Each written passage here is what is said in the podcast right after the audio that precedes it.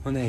ඔගුල හැම ගොඩ කාදන පිළිගන්න අපේ වයිබන් බයි චම්ස් පොට්කා සිරිසගේ පලවෙනිම පලවෙනි නිල් එපිසෝඩ් ඇත්තක ඉතින් ඔගුල දන්න අපි අපේ සීසන් වන්නගේ ෆස්ට එපිසෝඩ් එක මනත අප ඉන්ටරක්ටර් ඉන්ටරක්ටර් එපිසෝඩ් එක මීට ස්වල්ප කාලකට කලින් රිලිස් කරා. ඉතිං මේ තම අපේ පලවෙනිම එපිසෝඩ් එක අපි මේ සීසන එක කරන නිල වශය නිකුත් කරන එපිසෝඩ් එක.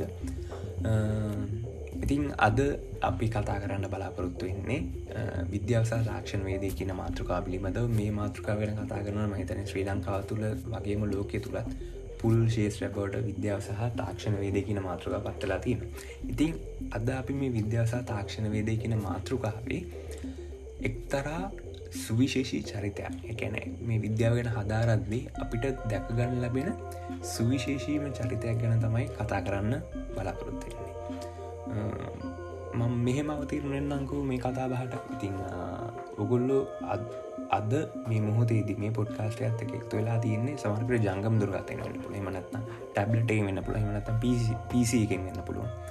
නමුත් මේ කොහොමුණත් ඔයාලා අපි අද මේ විදියට සම්බන්ධ වෙලා තියෙන්නේ සන්නිවේදන තාක්ෂය තාක්ෂණය තුර ලෝකයේ සිද්ධ වෙලා තියෙන මහා පෙරලියට පින් සිද්ධවෙන්න කියලකවත් මහිතන මන්නේ වැරති මේ වනකට ලෝකේ තියෙන ප්‍රධානතම සංනිවේදන තාක්ෂණය සහ දියුණුතුම සංවේදන තාක්ෂණය බවට සැටලයිට් එක එහෙමන්නත්තා චන්ද්‍රිකා තාක්ෂණය පත්වෙලා හමාරයි. ඉතින් අද මේ කතා කරන්නේ මේ චන්ද්‍රිකා තාක්ෂණය ගැන ලොබට පළමුුණ වතාවට අදහස ලබාදුන් එහම නැත්නම් ලෝකයේම ගමන් මඟ සම්පූර්ණයෙන්ම උඩි අටිකුරු කරපු විශ්මිත දර්ශනයක් ලෝට ඉදිරිපත් කර ස. ආතසීක්ලාක් ගැන කතා කරන්න.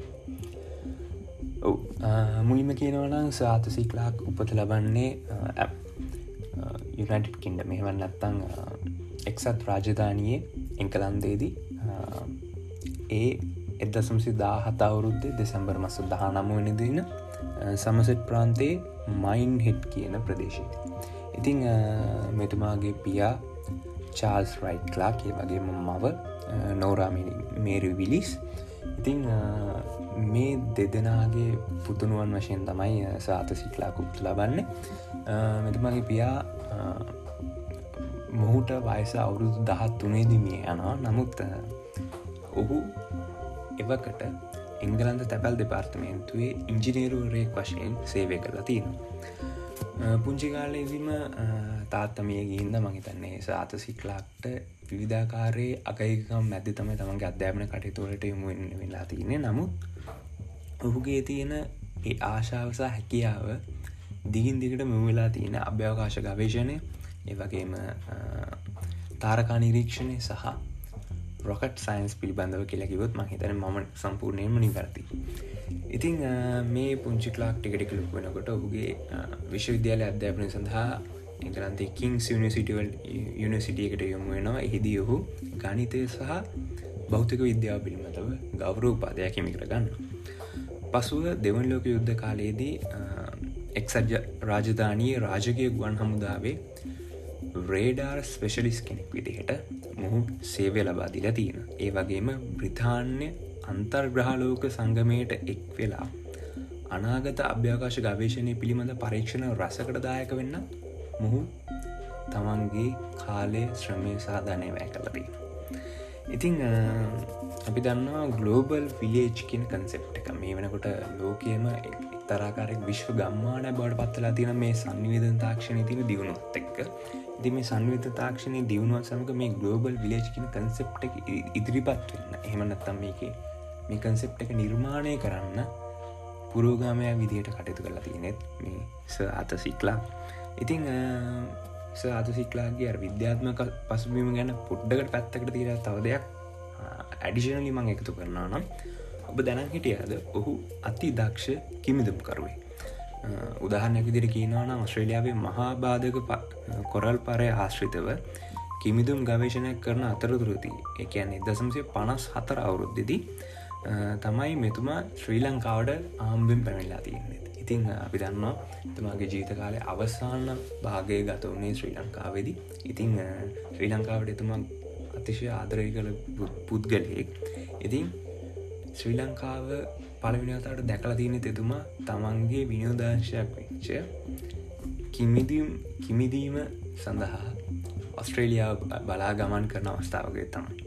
ඉතිං මෙහෙම එදසම්සේ පනස් හතර අවුරුද්ධති පලවෙනි වතාවට ශ්‍රී ලංකාව සියසින්දුට ආතසික් ලාක්ම හත දසම්සේ පනස් හය අවුරුද්ධ ඒ කියන්නේ ඊට වසර දෙකකට පසුව ශ්‍රී ලංකාව තුළට නිල පදිංචිය සඳහා ඇතුල්ලෙනවා ඉතිං ඒවගේම මෙතුමා ඇදසම්සේ හැට එක අවුරුද්ධ මාර්තු විසි දෙක ශ්‍රී ලංකාව කිරින්ද ප්‍රදේශයේ සුරාත් රුපියල් කාසි දහදාහකට වඩා හොයාගෙන තියෙනවා පශ්චත් කාලීනව ඒවා ඇමරිකාවේ ස්මිත්සෝනියන් කෞතුකාගාරයට එතුම බාරදිල තියෙනවා මේ හැමදයම් එතුමා කල්ලා තියෙන එතුමාගේ අර විනෝදාංශය වශයෙන් කිමිදීම සඳහා යොමුච අවස්ථාවනලදී.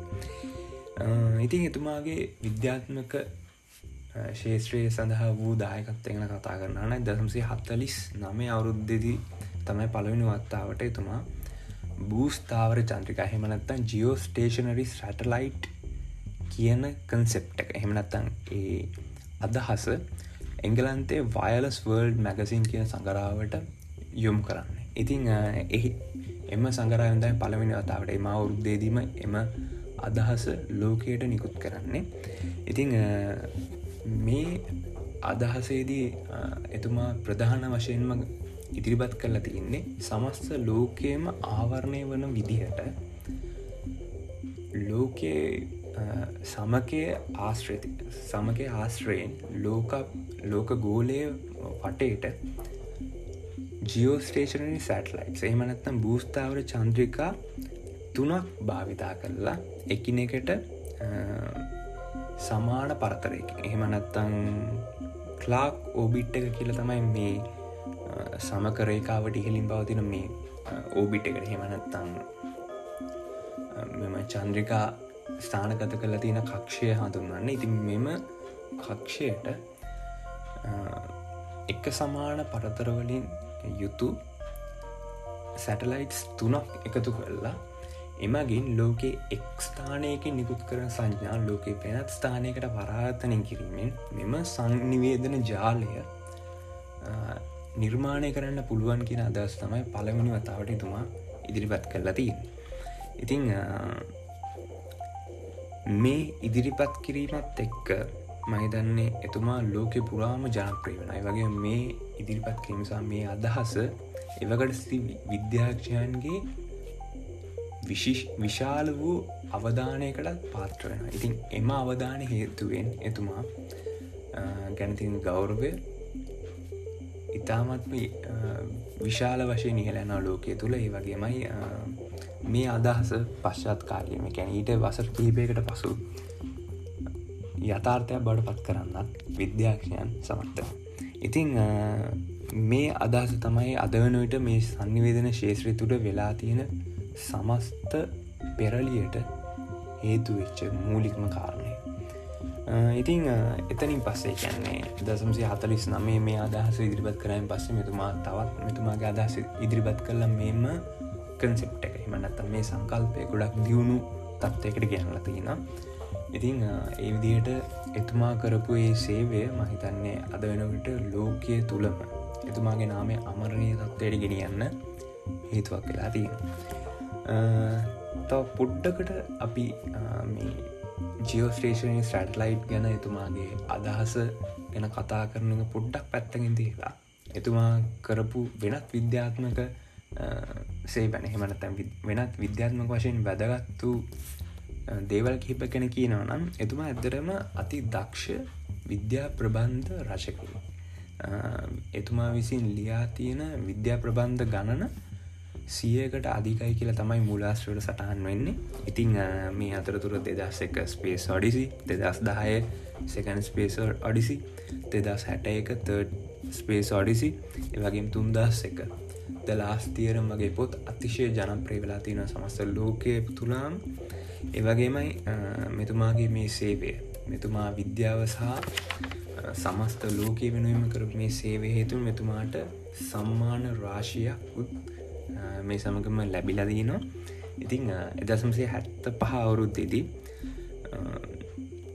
resident guest of Sri Lanka හෙම නැත්තම් නේවාසික ආගන්තුක කියන ගෞරවනාමය එතුමට ලබාදිල දිනවා. එවකට රජය විසින් ඒ වගේ මෙදසම්සි අසු දෙකවුරුද්දි යොනෙස්කෝ සංවිධානය මගේ කාලිංග සම්මානයක් එතුමට ලබාදිල දීන දසම්සි අසු දෙකවුරුද්දිදී මාකෝනි අවෝඩ් සැටලයිට් කමිනිකේෂන් යන ගෞරවනාමේ සහ එම සම්මානයක් එතුමාට ලබාදිල තියෙන එදසම්සි අසුත් දෙක අවුරුද්දෙති එවගේම එතුමාගේ ජීවිත අවසාන කාලෙදී කැන දෙදස් පහවුරුද්දෙති ශ්‍රී ලංකා අභිමාන කියන ගෞරව නාමයෙන් එතුමාටත් ලබාදීලා තියෙනවා ඒ එමෙන්ම මෙතුමා ශ්‍රී ලංකාතුර වාසය කරන කාලයේදී එදසම්සේ හැත්ත නමේ සිට දෙදස් දෙක වර්ෂය දක්වා ශ්‍රී ලංකා මොරටු විශ්වවිද්‍යාලයේ කුලපතිවරයා වශයෙන්ද සේවය කරලා තියෙන. ඉතිං මේ වගේ විශිෂ්ට සේවයක් ශ්‍රී ලංකා වෙනුවෙන් ඒ වගේම ලෝකය වෙනුවෙන් සාලෝකයේ සමස්ත සංනිවේදන තාක්ෂණය පෙරලිය වෙනුවෙන් කරපු මෙතුමාගේ නාමය මහිතන්නේ සදාමරණීය. ඉතිං මෙතුමාගේ මේ සේවය අගය කිරීමක් වශයෙන් ශ්‍රී ලංකා රජය විසින් මොරටුවේ මොටු විශ්වවිද්‍යාලය ආශ්‍රිත පිහිටුව ඇති නවීන තාක්ෂණික පර්ේෂණ ආයතනයස ආතසික්ලාක් මධ්‍යස්ථානය වශයනුත් නම් කල්ල තියෙනවා ඉතිං මහිතන්නේ එතුමා කරපු සේපය ලංකාවට වගේම ලෝකයටම අමරණීය දෙයක් කියලා පුළු පුලාට කියන්න පුළුව එවන් වූ ශිෂ්්‍ර සේවයක් කරපු පුද්ගලෙක් තමයි ස ආතසික්ලාක් කියෙන් ඉතිං අද අපි ස ආතසික්ලාක් ගැනතයි මේ තිට කතා කර අප එපිසෝඩ්ඩගේ මහිතන්නේ අපේ පලවෙනි එපිසෝඩ් ඇත්තෙක්ක එකතු වෙච්චවාල හැමෝටම ගොඩක් ස්තුති මේ එපිසෝඩ් එක ඔයාලට අරගෙනන්න මහිතන්නේ යම් පොඩි කාලයක් ගත වුණ අප ඉන්ටලක් ඉන්ටලක්ටර එපිසෝඩ් රිලිස් කරට පස්සේ. ඉතිං මහිතන්නේ ඒක ගැන අපි ගොඩක්ම නිහතමානීව සමාවිල්ලා සිරිනවා ඉතිං රැදිසිට අපිත් එක්ක ඉදිරි අනාගතයේදී අපේ ඉතුරු එපිසෝඩ්ස් ටික තවත් ගොඩක් ඉන්ට්‍රස්ටීන් මාතෘකාත් එක්ක අරගෙන එන්න අපි බලාපොරොත්තු වෙනවා. ඉතිං වාල හමුවට වයිබන් බයි චෑම්ස එක්කාපු මම චවල් ඩිසිල්වා රැදි සිටින දිගටම අපිත් එක්ක තවත් අලුත් දේවලිගෙන ගන්න මේ වයිබන් බයි චෑම්ස් Thank you.